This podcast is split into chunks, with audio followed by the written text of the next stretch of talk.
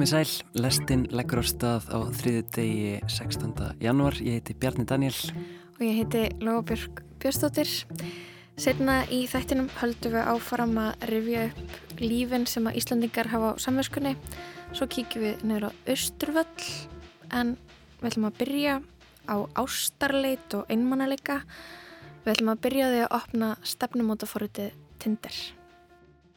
Stundum hef ég hugsað með mér, ég vona að ég finna ekki ástina á stefnumóta fóröti og ég held að kannski þess vegna mun ég finna ástina á stefnumóta fóröti sem svona karmist jinx á mig. Akkurat núna er ég bara að býða eftir svona When Harry Met Sally dæmi. I came here tonight because when you realize you want to spend the rest of your life with somebody, you want the rest of your life to start as soon as possible. því síðan er þú bara að sjá pör eða þannig sem eru bara ekki lengur saman og þú er bara að fá the tea. Þú sér bara eitthvað maður sér kannski bara mannsku og bara oh my god, beti, ég held að þú er í sambandi. Sko, ég hérna elska og hætta Tinder á sama tíma búin að vera on and off á Tinder sínum 18 ára og er að vera 23 ára. Þú veist, maður er bara eitthvað einmanna og maður þarf eitthvað að koma sér aftur út á markaðin og, og sjá hverju bóði og gefa fólki sjens og eitthvað og, og líka kannski vill bara smá svona staðfestingu um, en svo er spennan alveg rosalega hljótt að fara. Um, ég er ekkert að gefa sér einhvern svakalega mikinn tíma eða taka sér neitt sérstaklega alvarlega. Já, maður er hérna inn á, kannski bara að því að maður er á lausu og maður er opinn, ég veit ekki, eitthvað svo les.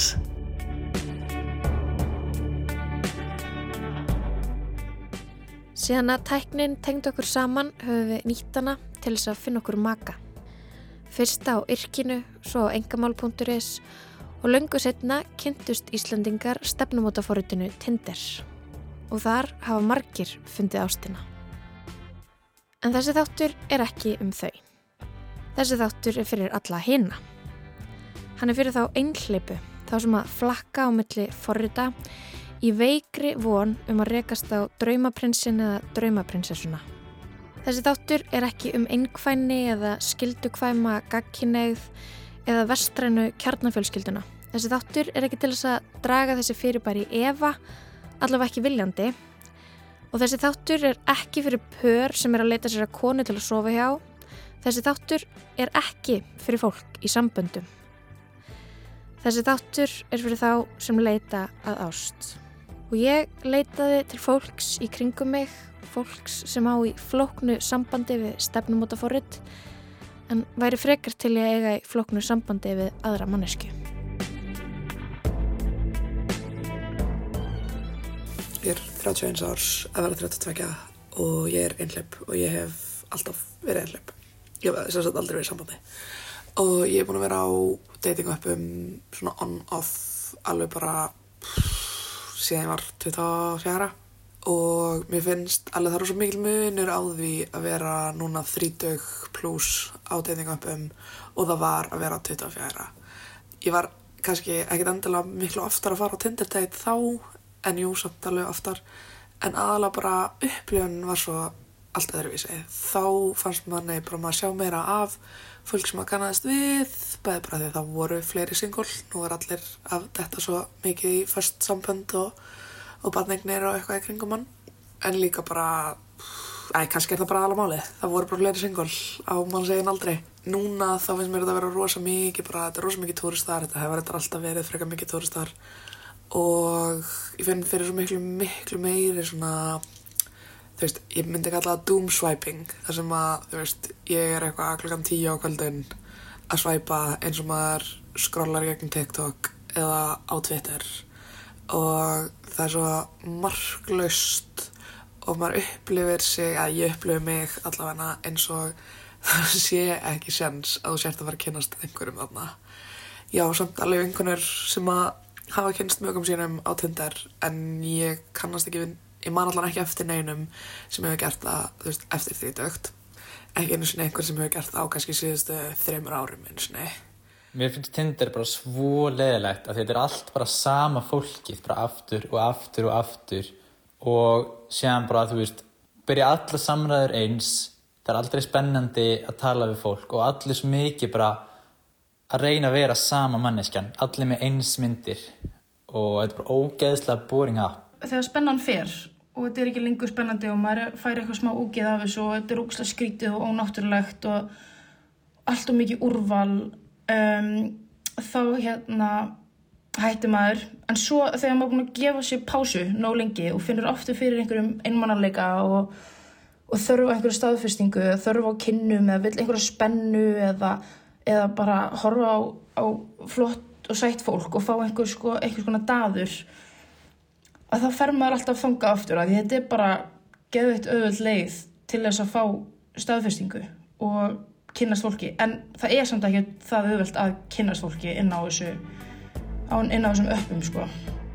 En ef maður með uh, stiltakonur og svona viðeigandi aldurspill á Íslandi þá er maður svolítið að lendi í því að listin bara klárist og það kemur bara svona no more in your area það er bara staðan Ég myndi alveg alls ekki sem mér hefur gengið vel. Ef markmiðið er að vera langt tíma sambandi þá hefur mér bókstaflega gengið illa. En hversu mikið er það appið, hversu mikið er það að ég er bara fyrir gránægð með lífum mitt eins og það er og alls ekki tilbúin gera hvað sem er og stundum ekki eins og tilbúin að fara út úr húsi af því það er kallt og það er janúar á Íslandi og, og, og þannig gýr á manni. Ég er 24 ára gammal og ég verið einhleipur í tvö ár. Um, mér hefur alltaf liðið vel á Tinder. Mér hefur alltaf fyndist gaman að, að vera á Tinder og, og skoða myndirnar. Hvernig fólk setur sig í stellingar á Tinder, bara það sem maður vil sína sína bestu hliðar og mér finnst það er svo fallegt og skemmtilegt að einhvern veginn fólk er búið að hugsa upp eitthvað skemmtilegt um, bæjó og velja eitthvað sérstætt lag og, og, og eitthvað svona fimm flottar myndir af sér sem er allar flottar kannski sinnhátt þú veist, fólk er að vanda sig og, og þess vegna er mjög gaman að skoða. Og svo er kannski alveg gaman líka að vera að, að spjalla eitthvað svona.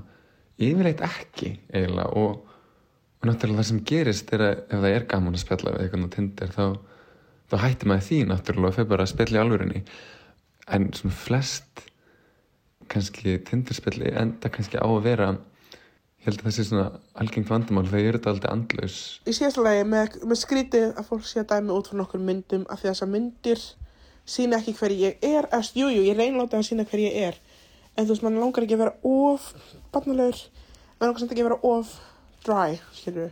Þannig að maður reynir að setja eitthvað svona flipmyndir að sem að vinni á að tekið myndir að þeir, kannski eitthvað með kampænflösku í hendinni eða eitthvað svona handa mig. Þannig að fólk sjá bara, ok, þessi gæla á líf. En samt, skilur vil maður ekki vera of, bara, oh my god, já, ég er á reynstann mínum, eitthvað, þannig að, þú veist, ég er ekki eitthvað þannig þess að ég síni stöðum mína með því að setja myndir af, þú veist, eitthvað svona ríkum bílum, af því ég er bara ekki rík, punktur. Ég skal alveg hjáta það að ég var líka úr stað á Tinder, ég byrjaði að spjalla, ekki svarað, ég meiri segja að fara á date, ekki fíla deitið, ekki fundið, mig, fundið út úr því hvernig ég vil segja bara hei, sorry, ég var ekki að fíla þig og bara ákveðið að við vorum bara aðeins búin að spjalla á, á Tinder og, og ég hittast einu sinni og þá væri bara í lægi að ég myndi bara hverfa. Samt veit ég að mér myndur ekki hérna til að líða vel með það ef ég lendi í því sjálf. Það er náttúrulega fyllt af fólki sem að byrjaði saman fyrir tíð þessa appa sem að einhvern veginn halda að þetta sé algjör stuð og ótrúlega gaman. En ég held að allir sem hafa prófað að vera inn á í smá stund átti sig á því að þetta getur verið já, algjörst þrótt stundum. Ég held að komi svona algjörum bylgjum hjá mér. Svona aðra, að, aðra vikuna held ég sé að vera ástfangin. Og, og hérna vikuna held ég að sé bara svona hefur enga von. Og ég held að svo vika sé í gangi um ég núna vonlösaði vikan. En já, ég hef aldrei pælt í þessu svona almennilega en því að pæla í þessu þá einmitt þá er spenntur, spenntur fyrir næstu viku. Sjá hvað gerist þeim er Punkturinn með Tinder er ekki að þú verður ástfangin og finnir eitthvað. Af því að Tinder vill að þú sért einhleip og þú sért á appinu að skrolla finnist þú ekki að finna neitt sért tilbúin að eða peningum í það sem ég hef reyndar sjálf aldrei gert. Ég er á appunum að ég er að leita mér að langtíma sambandi og bara, þú veist, framtíðar maka en ég upplifa mig allan að alls ekki eins og ég sé mjög líklega til þess að finna maka á appinu. En um leið er maður samt eitthvað svo mikið eitthvað svona að reynda að vera jákvæð. Þú veist, þú hefur eitthvað að tapa hvað, af hverju ekki að prófa að tala við einhvern og prófa að fara á deytið ef að þú ert ekki gagkynniður þá bara gangi ég vel öskan. Andlegur kattfís er eitthvað hugtak sem að kom upp hjá mér og mínum vinahóp í svona COVID-möðunni miklu 2001-2002. Það tók ég mig fyndið tímabil uh, að sko svona rað stefnumóta fólk. Bara eitthvað kannski að fara á eitt stefnumót bara í hverju viku eða eitthvað svona brjálaði. Á þessum tíma þá var ég að lenda oft í því sko að fólk var eitthvað að sækjast í að vilja hitta mann og bara eitthvað flott sko. Og mjög svona hrest og skemmtilegt og opið í skrifum texta í gegnum DM og gegnum hérna, já, skrifleg skilaboð og bara hrest og opið og dararara. Og svo hittum maður einstaklingir sko í personu og það bara er þessi hressi karakter eða persónleiki bara ekki til staðar og bara já, þú getur ekki einu sinni sko hort í eigun á mér sem er vissulega bara auðvitað og maður bara reynir að sína því samkenda bara það er náttúrulega bara mikið fólki með ég veit ekki, félagsfælni og félagskveið og allt þetta dót sko. Já, þannig að þaðan kom hugmyndin um andlega uh, kattfyrsinn eða steinbítin og það er kattfyrsi er einstaklingur sem að þykist verið einhver annar en hann er sko útlýtslega bara einhver sveittur perri á bakvið skjáin og þykjast vera einhver tvítu skvísa en þetta er bara, þetta er manneskinu alveg svo sama en já, er allavega allt önnur í personu sko. Stundum fínt að nota þetta til þess að til dæmis vita hvaða stelpur eru opnar fyrir öðrum stelpum og svo kannski mattsamæður við einhvern sem maður kannast við eða hefur hitt áður eða eitthvað svolítið þannig að það getur alveg hjálpað en ég varst stórlega um að í fyrsta skipti sem að ég sjáu um, manneskuna sem ég verði ástfangin af verði á einhverju mynd á Tinder outside, baby, and you can't get in. I will show you you're so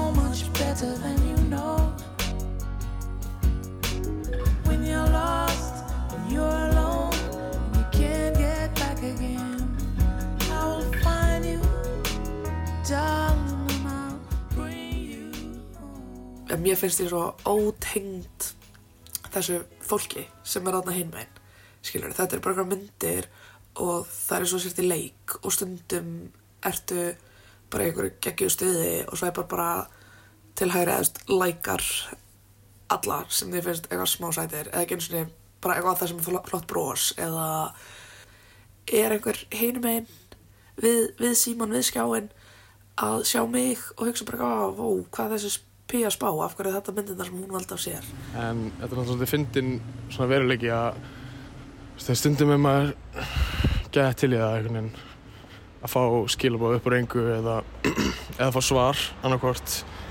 Um, en það er svo fyndið að maður getur verið bara í hvaða aðstæði sem er maður getur bara verið að vakna eldsnöfum morguninn eða þú veist á klósettinu eða veist, að mála og allt innu er maður komin í eitthvað svona uh, flörtleik við eitthvað random mannesku og hugur manns einhvern fer þangað gerðsanlega og maður ger, byrjar að pæli því og, og maður er kannski, þú veist, hugur mann er samt annar staðar og maður er að gera eitthvað annað. Ef maður sér eitthvað sem manni líst vel á þá veit maður því en, en maður myndi kannski leggja til aðlögu annar staðar, kannski bara í alvörunni frekar en á Tinder. Um, ef maður sér eitthvað sem manni líst vel á þá myndi maður myndi maður, kann- myndi maður kannski ekki einu sinni svæpa rauninni til hægri, svæpa já. Maður myndi jafnvel bara segja já, ok, mjög gott, þá veit ég það. Og, og, og halda áfram. Ég hef hent þeim öllum sem ég hef downloadað.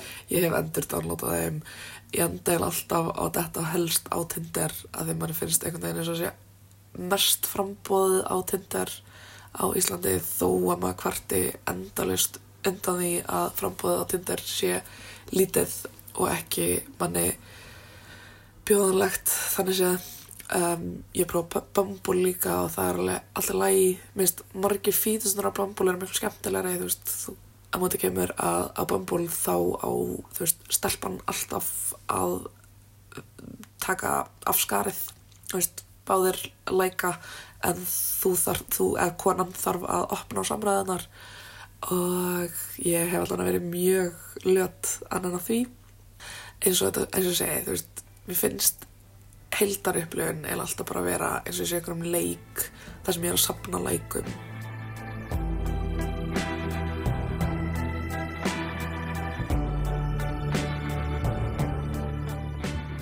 Í hlaðvarpinu Dating Games sem eru um sjón bandarísku blaðmannana Sangita Singh Kurtz og Laksimi Rengarasjan skoða þær algoritmana sem að stjórna ástarlíf okkar. Í fyrsta þætti seríunar rekja þær sköpunarsögu Tinder og af hverju það virkar eins og það gerir. Það ætti ekki að koma neinum á óvart en fyrirtæki Tinder græðir ekkert á því að fólk finni ástina. Því þá hætta notendur á forritinu. Það segir sér sjálft.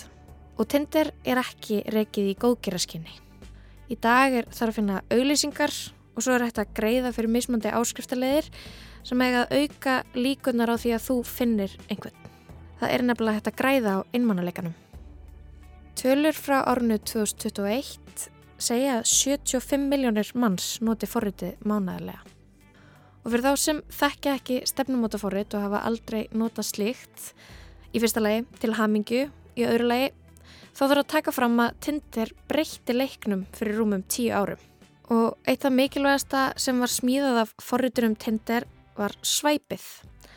Það er að segja að færa myndir af fólki ímist til hægri eða vinstri með vísvingri, hægri er já og vinstri er nei og ef að báður segja já, þá fáið þið mats. Þetta svæp eða flett svo kallaða er ein hlið leikjavæðingar ástarleitar. Þetta er eins og að fá vinningi spilakassa. Þetta virkar eins á þig. Í áðurnöndum þáttum Dating Games ræða þær Laxima og Sangita við taugasálfræðingin Michael Mersenik sem útskýrir af hverju. Now, one of the wonderful things about dopamine is that you don't need the reward to actually get the dopamine. You don't actually have to have the sex or the kiss. Dopamínið kemur þegar þú fær mats. Og það sem Michael Mersenik segir er svo áhugavert því að það kemur í ljós að þú þarfst ekki að vera kist, sofa hjá, vera elskuð til þess að fá dopamínið. Þú þarfst bara að eiga vona því að það gerist. Svo við höldum áfram að svæpa út í eiliðina. Um, við prófum bara eina þess að opna þetta. Um, ok, hér er alveg, veist, bara eitthvað flott í gangi. Ekki alveg mín típa samt. Jújú, jú, segjum bara já. Um, ok, Mats, gaman. Veit ekki hvort ég mun senda skilbóð. Um, Kanski mun ég finna hana á Instagram. Um, hér er einhver túristi.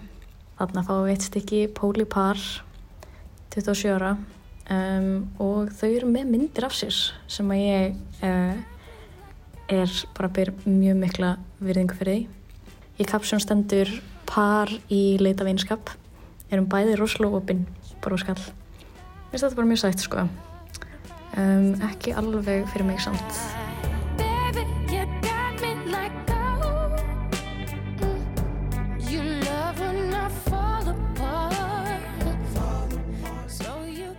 Söngunan Rihanna er með ástina á heilanum. Það eru við í lastinni líka. En við ætlum eins og er að loka stefnumóta fórutinu Tinder í byli og snú okkur að allt öðru. Já, Anna Marsabill Klásen teku við, við ætlum að heyra þriða þáttin úr Örseríunni á samvinskunni sem var fyrst fluttur í lestinni árið 2022. Hér er Anna Marsi. Til Dóms og kirkjumálaráðuneytis Íslands, Reykjavík, 2. september 1938. Hér með leifum við okkur að fara þess á leit að þið virðulega ráðuneti veiti okkur dvalarleifi fyrir frú Melita Urbansits og þrjú börnennar. Ráðunetið hefur þegar veitt manni hennar, doktor Viktor Urbansits, dvalar og atvinnuleifi hér á landi. En hann er ráðin kennari hjá okkur við tónlistarskólan. Virðingar fylst fyrir hönd tónlistarfélagsins, Ólafur Þorgrímsson. Brefið er vélritað en efst í hægra horninu er eitt orð skrifað með blíjandi. Heimilt.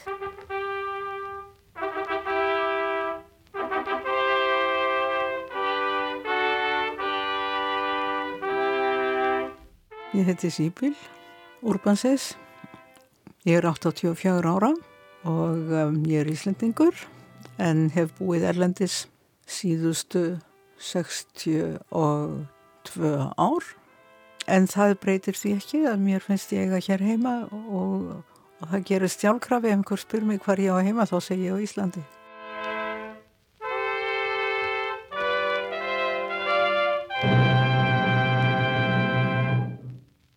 Viltu kannski segja okkur frá fyrsta skiptinu sem að þú komst heim? Þegar ég kom hinga fyrst, ég var einsás. Ég man ekki eftir því. En það er svolítið merkilegt hvort það eru frásagnir foreldra minna eða móður minnar af því að eh, fæður minn var komin hingað á undan. Það getur verið að sé frásagnir hennar af ferðarleginu sem gera verkum að mér finnst ég hafa upplifað eitt og annað sem snertir það. En annars er mín fyrsta endurminning svo að hún bar mig á náttfötum á handlegnum í loftvalnakjallara.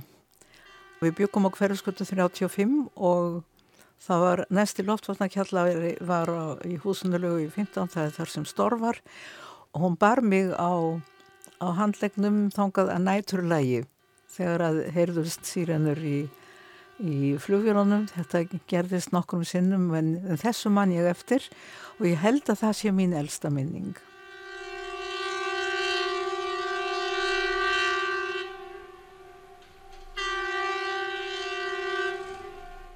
Mamma mín var dóttir lögfræðings Alfred Grumbám sem var gýðingur og fjölskyldan, hans öll. En pappi var hljóðn tónlistamadur. Þau giftust uh, 1930. Uh, hann var sem sagt ráðin við tónlistarkonservatóriumið í, í Mainz í Þýskalandi á tímabili og við óperuna þar eða leikhúsið þar sem flutti líka óperur á byrjun fjórða ár, áratugsins og um, það var farið að verða svolítið óhugulegt þar og ég, það er ekki langt síðan, það eru nokkur ár síðan ég sá síningu um tónskaldið Hans Gahl og Egon Velurs í, í Vín og þar sem voru úrklippur á vegnum sem ég hafði ekki séð, þar sem við erum verið að tala um það hvers vegna Hans Gahl sem síðar þurfti sjálfur að flýja frá Mainz sé að ráða mann að konservatóriuminu sem að ætti gýðingakonu að eiginkonu og það veri engin ástæða til þess að ráða þannig fólk. Og það veri nógu til að fólki í Þýskalandi sem að veri hægt að ráða í staðin fyrir hann. Og þetta er líka hlutur sem ég komst ekki aðfyririnn fyrir stuttu að aðal ástæðan fyrir því að pappa var sagt upp meir og minna eða ekki framlengt úr samningurinn hans var að hún hafði fengist til þess að halda fyrirlestur um frið og sambúð fólks í friði á vegum þessara friðarsamtaka og það var náttúrulega algjörlega á móti öllu sem þá var í gangi sko. að tala fyrir friði það var náttúrulega bara glæpur kaupmaðurinn eins og maður sagði þá sem mamma veslaði við í matulabúð, hann var í floknum gesalappir og hann kvíslaði því að henni að þau veru efst á listanum eða hún veri efst á listanum að fólki sem erði bara tekið og flutti í fangabúðir og þá var fólk farið að hverfa úr íbúðunum í kring og, og enginn vissi hvers vegna eða, eða hvert. Það var ekki farið að gera það þá að maður sá á gödunum að, að fólk var, var bara tókað á hárunum, dreigið og eftir sér á gödunum eins og síðar var. En það var til þess að þau fóru bara yfir nótt uh, meir og minna og skildu búslóðu allt eftir og fóru fyrst til Vínar þar sem að foreldrar bekja bjöku og pappi var ráðinn við óperuna í Belgrad í Jugosláfi og, og um leið fekk hann kjænslu tilbúið frá Graz og ég, ég skilða ekki en þann dag hann var í fullri kjænslu og hann vann við, við óperuhúsið en hann var með svona kannski fjóra eða fimm tónleika í viku mismunandi, ímest sem pjánuleikar eða stjórnandi eða eitthvað. Það er algjörlega óskiljanlegt en það merkilegasta við þetta er og ég verða bæta því við það er það að pappi var svo rólegur í tíðinni, maður hafði aldrei á tilfinningunni að neitt stressaði hann. Ég, bara þekki engan sem að hefur breytt út í kringum sig þvílíkri rósemi og þóli með því gagnart öllum og áorkað í allmörgu og hann, hann bjó hér ekki náðu í 20 ár. Hann dó svo ungur og það sem gerði, hann gerði hér á þessum tíma það er, það er bara með ólíkindum en mamma hún var svona eina af þessum fyrstu konum sem tók doktorspróf var doktor í, í heimsbyggi og, og málvísindum og hún var þar ekki leikona Kynnast þau í gegnum leikúsið? Nei, þau kynntust við háskólan í Vín. Það var eh, einhver, eh, einhver samkunda eða eitthvað og því að pappi skrifaði í dagbókina sína það kvöld að nú vissi hann að myndi aldrei giftast það því að eina kona sem hann geti hugsað sér að giftast hún myndi öruglega ekki þýðast að það var mamma.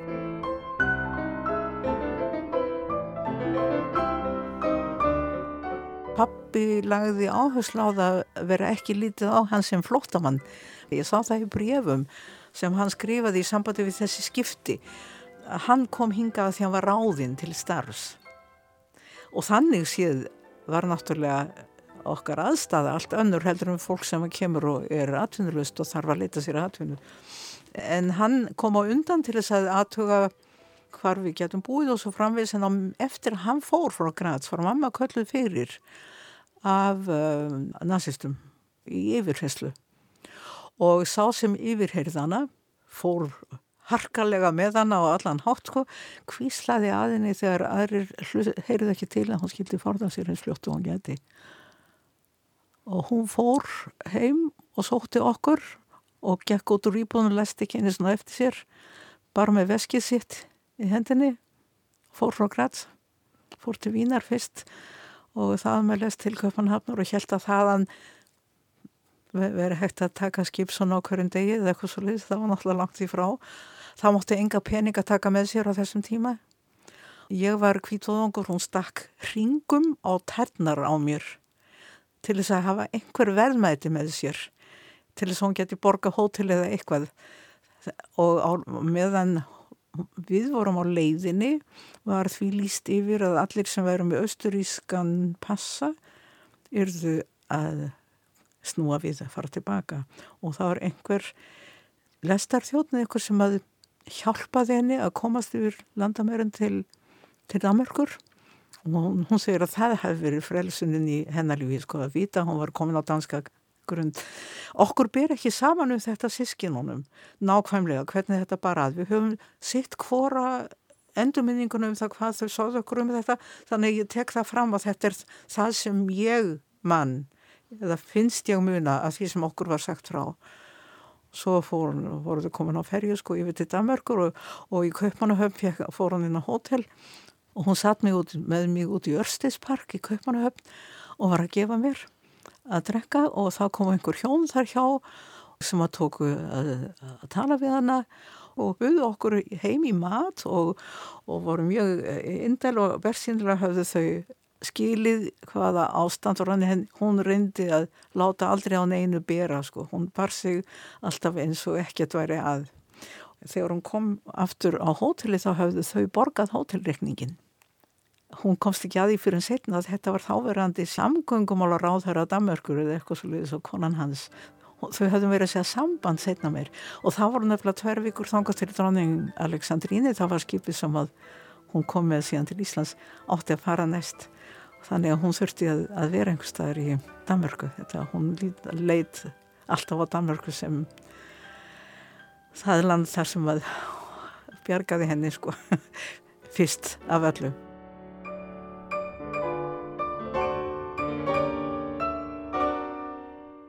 Við erum auðvitað búin að tala um það hvernig, hvernig íslensk yfirvöld og þeirra ábyrði því að taka mót ykkur.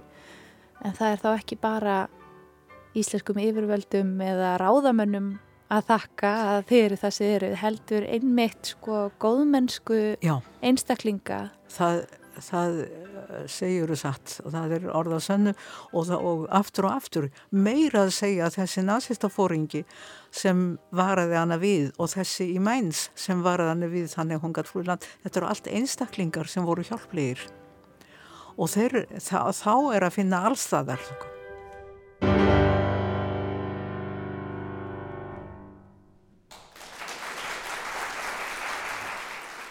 börn eða eftirkomendur foreldra minna með mökum eru komin nálagt hundrað. Og það allt fólk sem á lífsitt að þakka Já. því að hafa fengið Já. að koma til Íslands. Nákvæmlega.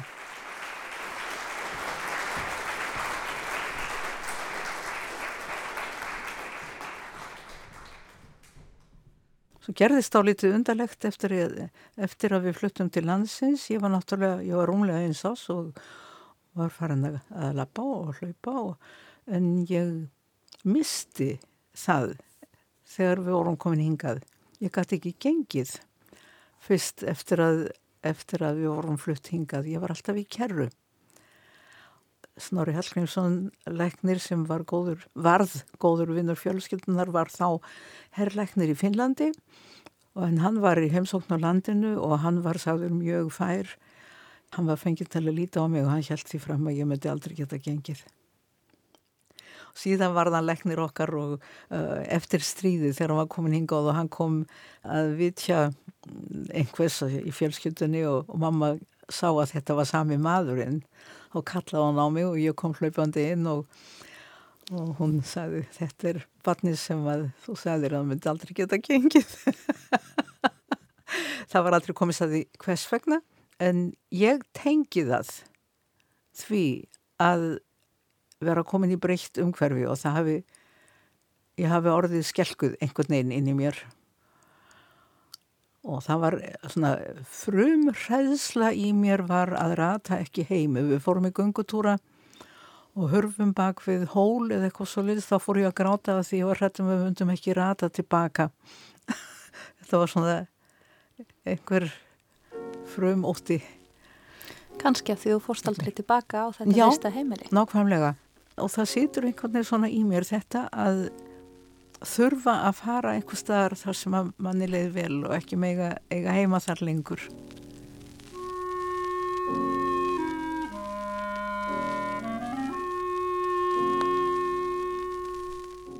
Mamma mín, hún breytti eiginlega algjörlega um lífstíl þegar eftir hún kom til Íslands. Hún dróð sig mjög í hlið, svona í félagslífi, átti miklu erfiðara með það heldur um pappi að samrýnast íslenskum lífsáttum hún var, ég menna, hún var, mentu kona af afskaplega mikinn áhuga á stjórnmálum að það bara tískaðist ekki að konur blanduðu sér í stjórnmál. Og ef þeim var búið í samkvæmi eða í kvöldarbúið eða eitthvað til annara þá, þá sáttu konur út í hotni og spjölluðu saman í, í lágum hljóðum en kallum þetta spókuðu sig um um stofurnar og rættu stjórnmál og alla mögulega hluti og hún hefði viljað taka þátt í það bara gekk ekki. Þannig að hún dróð sér mjög í hlið og, og átti mm, góðan vinahóp en, en fáa. Hún var náttúrulega alltaf verið um sig sem er skiljanlegt. Hún hafði mist báðar sýstu sínar, hún misti báða fóröldra sína, hún var alin eftir á sinni fjölskyldu Hún talaði aldrei um það en ég er alveg viss um það að það hefur skipt sköpum fyrir hana að vita og vera sér meðvituð um að pappi gaf upp glæsilegan feril erlendis hennar vegna. Honum var bóðið að halda sínum stöðum ef hann skildi við konuna sína. Og þau töluðu meira sig við lögfræðing um það. Og lögfræðingur sagði að það kem ekki til mála fyrir hann, hann gæti ekki hugsa sér að skilja hamingjusum hjón. og pappa var bóðið þetta en hann tók það sem sagt ekki í mál og það var til þess að hann var náttúrulega yfirkjöfa landið.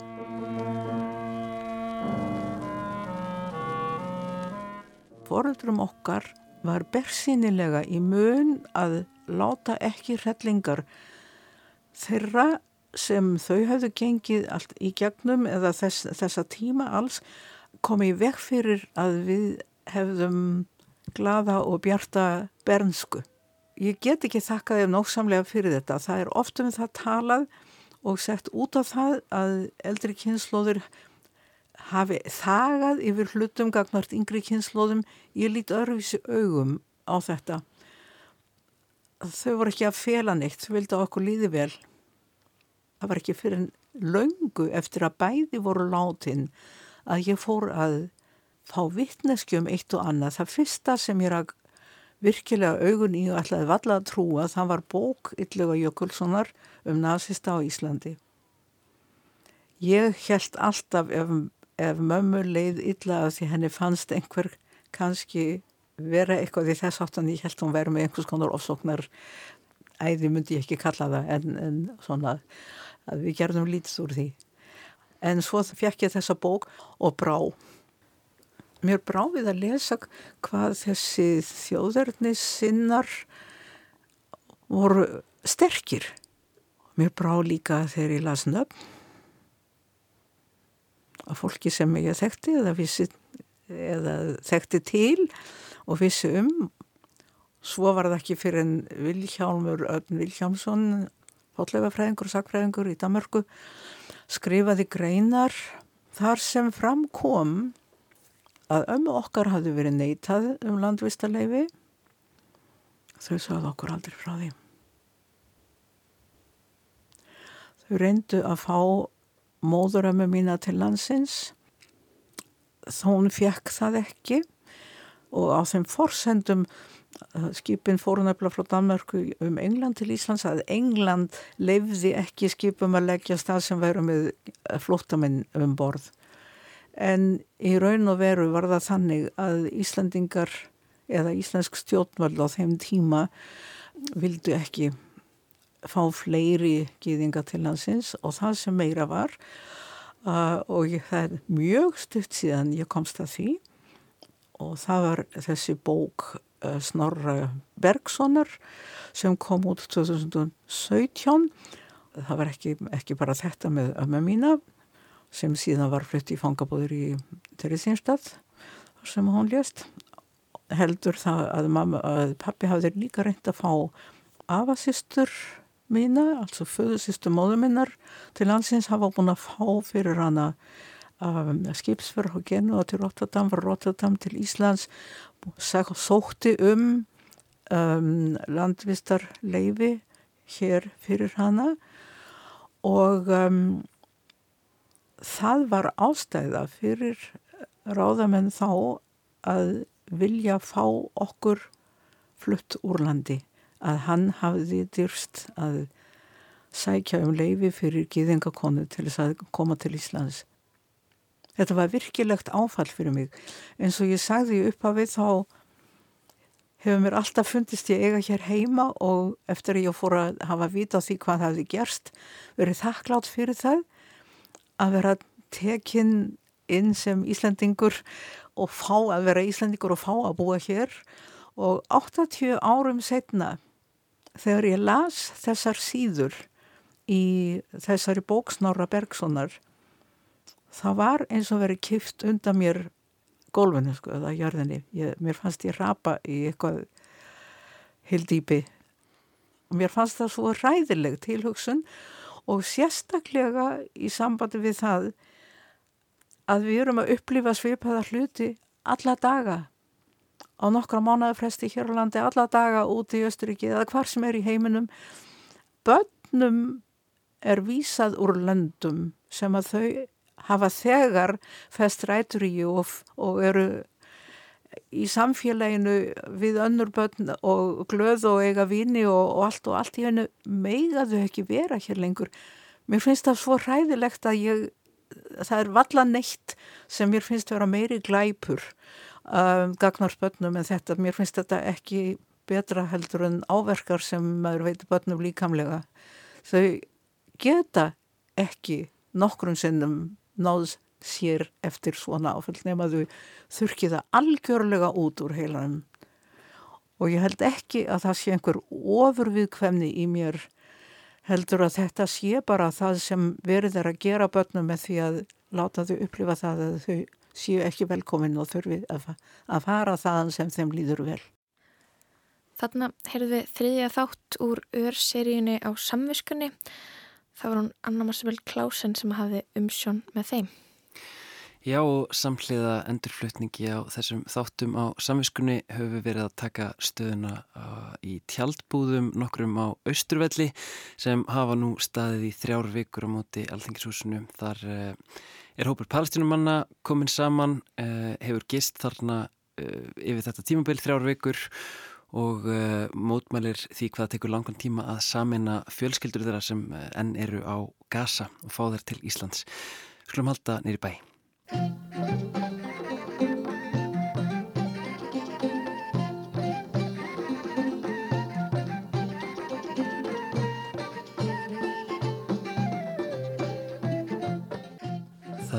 Nákvæmlega tvær vikur liðnar frá því að ég heimsótti fyrst tjaldbúðurnar við Östurvöll með hljóðnema í farteskinu og ég hafðframt heilar þrjár vikur frá því að þeir voru reistar.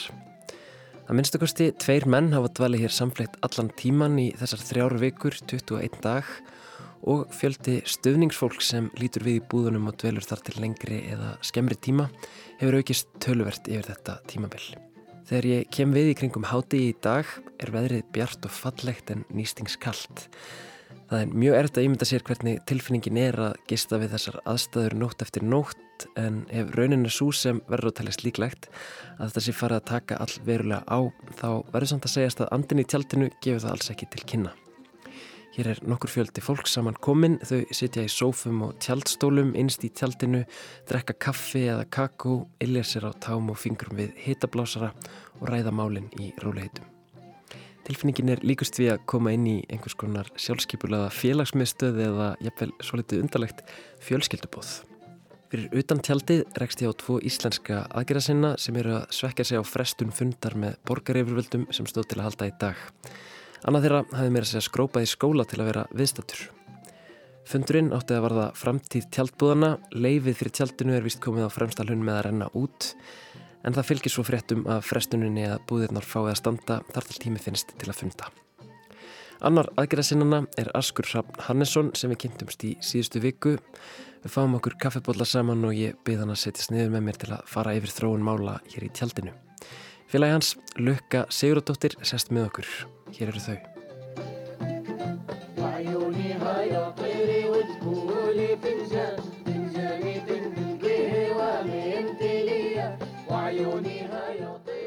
Samfélagi sem þið talaðum að sé búið að vera myndast hérna í kringum þessa tjaldbúri, þessa aðgerð.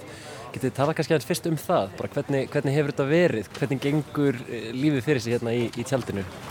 Það eru hérna nokkri strákar sem að gista alltaf. Nadja og Mohamed uh, eru alltaf hérna í tjöldunum og á nóttunni eru alltaf einhverju íslendikar líka af því að það þarf einhverju að vera vakandi á meðan þeir sofa. Af því að við erum alltaf á hérna neyri bæ, þú veist það er alls konar fólk hérna og það kíkir alls konar fólk inn í, í hérna misjöfnum tilgangi. En það er rosalega mikil stuðningur frá ferðarfólki líka, ferðarmönnum sem koma hérna Það er yfirvilt pakkað alveg í tjaldinu stundum svona að kvöldi til en svo svona þegar nálgast miðnætti þá þarf að vera komið svona ró á tjaldið vegna þess að sem fólk er svo í sófunum hérna inni og samfélagið hérna er bara, ef ég ætti að lýsa því hjá sálum mér allavega, ég hverskið sem ég fer heim þá fæ ég heimþrá í tjöldin. Ég mér líður eins og sem komin heim þegar ég er, er hérna meðal fólksins. Andrúslöftiðinn er alltaf rosalega vinsamlegt, þeir elska allir börn, börnin okkar allra hérna Íslandingana, veist, elska þá að að, og þeir eru náttúrulega bara með því líka þrá skiluru í börnin sín. Þannig að, já, æ, þetta er bara þessi, þeir eru allir gull að munnum Það vera mjög gaman að leika líka við krakkana út fyrir hérna utan þingusu í Póká búin að leika við hérna frændur hérna Basum og Basum, þeir eru mestarar mm. annar sex ára og henni tíu ára Ég, ég meina pælingu ef ég má skjóta inn. Já, hérna, ég ímynda mér sko, nú, ég, ég tala við alls konar fólki í, í sambandi við þetta, þessa aðgerð núna á síðan tveimur vikum. Eitt sem ég hef kannski ekki komið inn á er sko, ég ímynda mér einhvern veginn að það sé mikið skipulag sem, sem að fer í það að halda þessu uppi, bara til dæmis í sambandi við máltýr og, og annað. Getið talað okkur eins í gegnum það, hvernig það hefur gengið? Uh, já, það er rosalega fjölmennu hópur sem að heldur utan um þetta. Ég held að við erum með Við erum teljum held ég bara alltaf hundra manns um, sem skiptir mitt þessum verkum. Sumir uh, hafa bara tekið að sér að vera eins mikið við geta í tjálpbúðunum og vera bara fólkinu innan handar á staðnum. Einhver eru að útvega mat, um, önnur eru að vinna bak við tjöldin í svona pólitískum þrýstingi. Uh, já, það er bara fólk skiptir með millir sín verkum bara eftir því hvað þau eru áhugsum um og hvað, hvað styrklegar þeirra leggja. Mm -hmm. En eins og með mat og svona, mér finnst það ekkert neins sérstaklega fóröldnilegt. Hvernig er það að verða ykkur út um mat fyrir allt þetta fólk sem er að gista hérna og, og dvelja hérna í, í tjöldinu?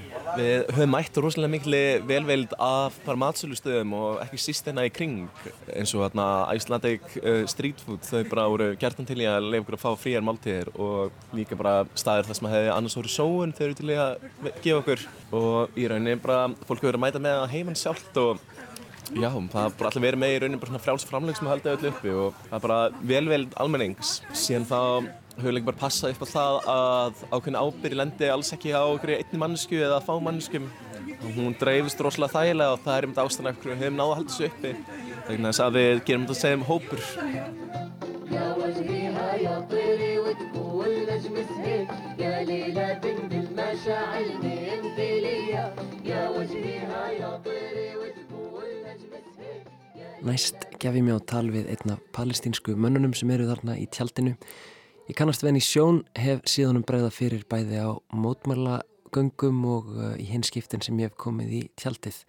Og í fyrstu verðist hann þekkja mig líka en það kemur svo í ljós að hann er að ruggla mér saman við annan mann, mann sem uh, já, hefur nokkru sinnum komið fyrir áður að mér sé rugglað saman við. Eftir þessi fyrstu rugglingslegu kynni segir hann mér þó að hann sé til í stutt spjall. Uh, I am Mohammed El-Haw.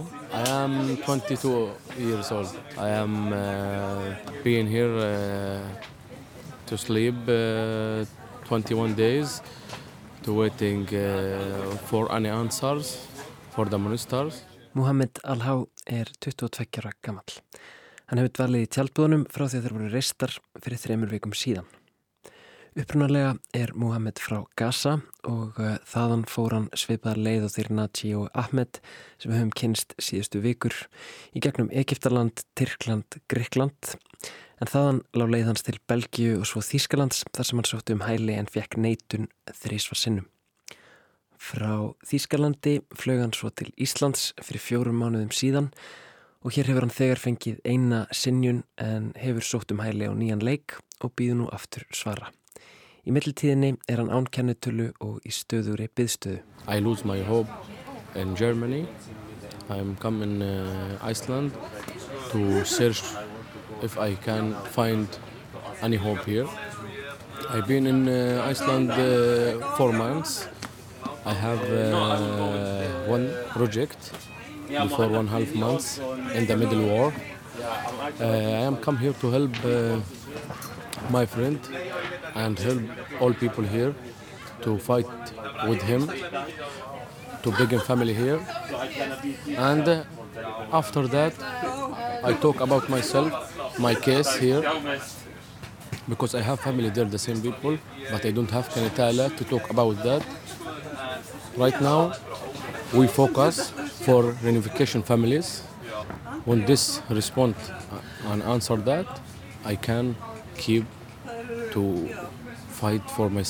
Þrátt fyrir stöður sína hefur Muhammed ákveðið að leggja höfuð áherslu á að hjálpa félögum sínum að berast fyrir fjölskyldusammeningum í mótmálaðagjörnum sem nú standa yfir. Þetta sé brínasta málið þessa stundina og þegar það verður leist geti hann fyrst farið að berast fyrir eigin réttindum. I hope everything become well. But right now I'm like focus for reunification family because the people have Kanitala and accepted to reunification family to bring in here. Yeah.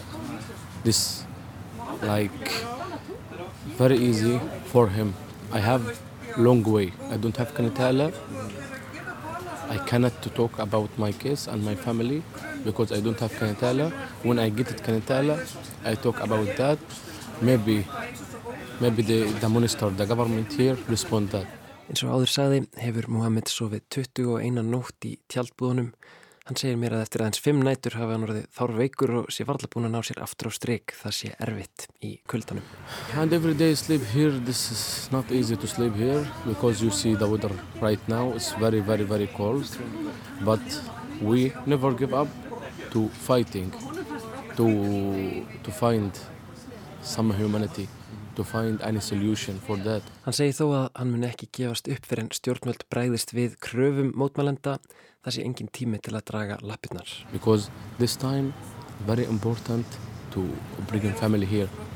Any moment the family die. Don't have time to, to waiting. To, I, I want to help you but I can't promise you. This not time for that. You can do all your energy because this Today, 102 days the war in Gaza. Maybe tomorrow all the family die. And the government here said to I, I am I am try to help you. I cannot promise you. This is not right.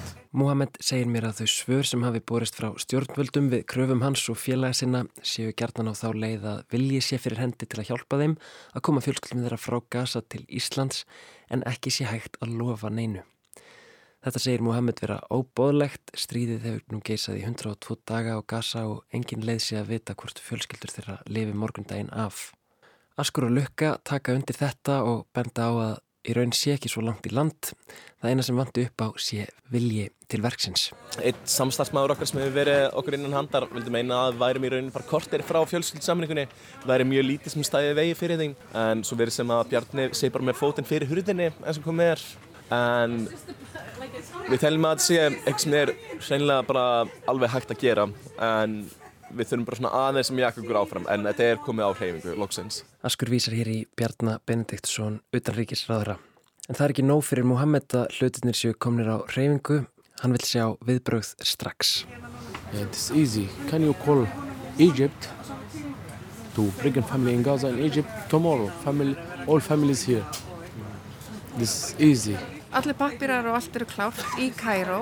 Það eina sem þarf er að utanríkisráðuneytið uh, gefi grænljós, sendi lista á, hérna, sendi lista með nöfnunum til uh, eigiska sendiráðsins í Nóri. Þa, já, það er það eina sem þarf að gera og fá mannesku til þess að taka mótu fólkinu og fylgja þeim í rútu frá landamærunum. Veist, þetta er það eina sem vantar en ráðnætið er ekki tilbúið til þess að gera. Að lókum vil Mohamed koma stuttum skilabóðum áleiðis þá þetta sem hann hafði að segja.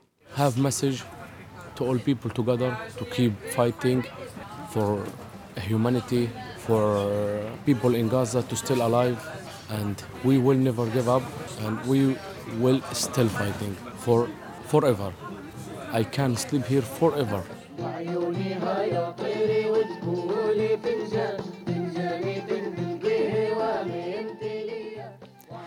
Askur Hrafn Hannesson, Lukka Sigurðardóttir og Muhammed Al-Há sögðu okkur frá stöðunni á Östuvelli. Við erum komin að leiðalögum í lestinni í dag við Bjarni Daniel og Lóa þökkum samfélgina. Tæknum var að litja Greitastóttir. Verið sæl.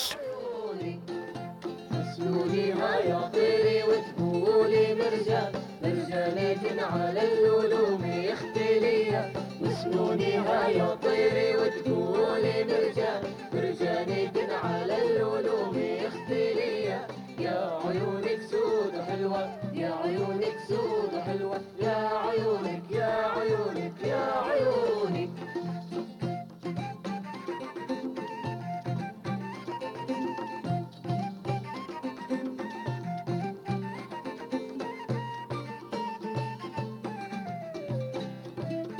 والجدايل عالكتف وتقول حبل الليل مثل الكرمة على الكتف نير تخية.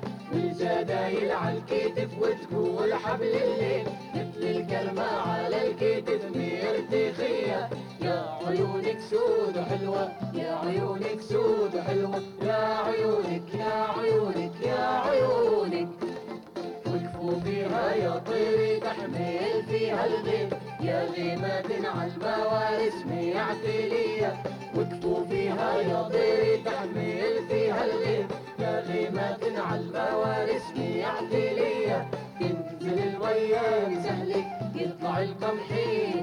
يا صبية يا صبية يا صبية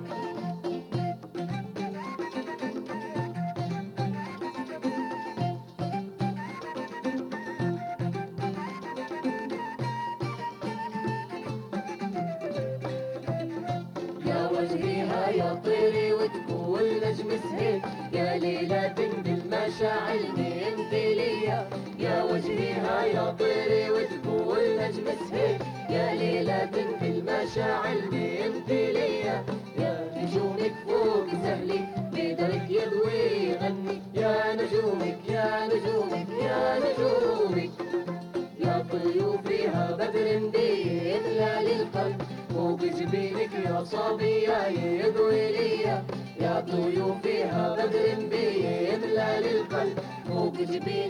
صبية يضوي ليا يرسم الفرحة بعينك ألف نجمة تطوي ليلك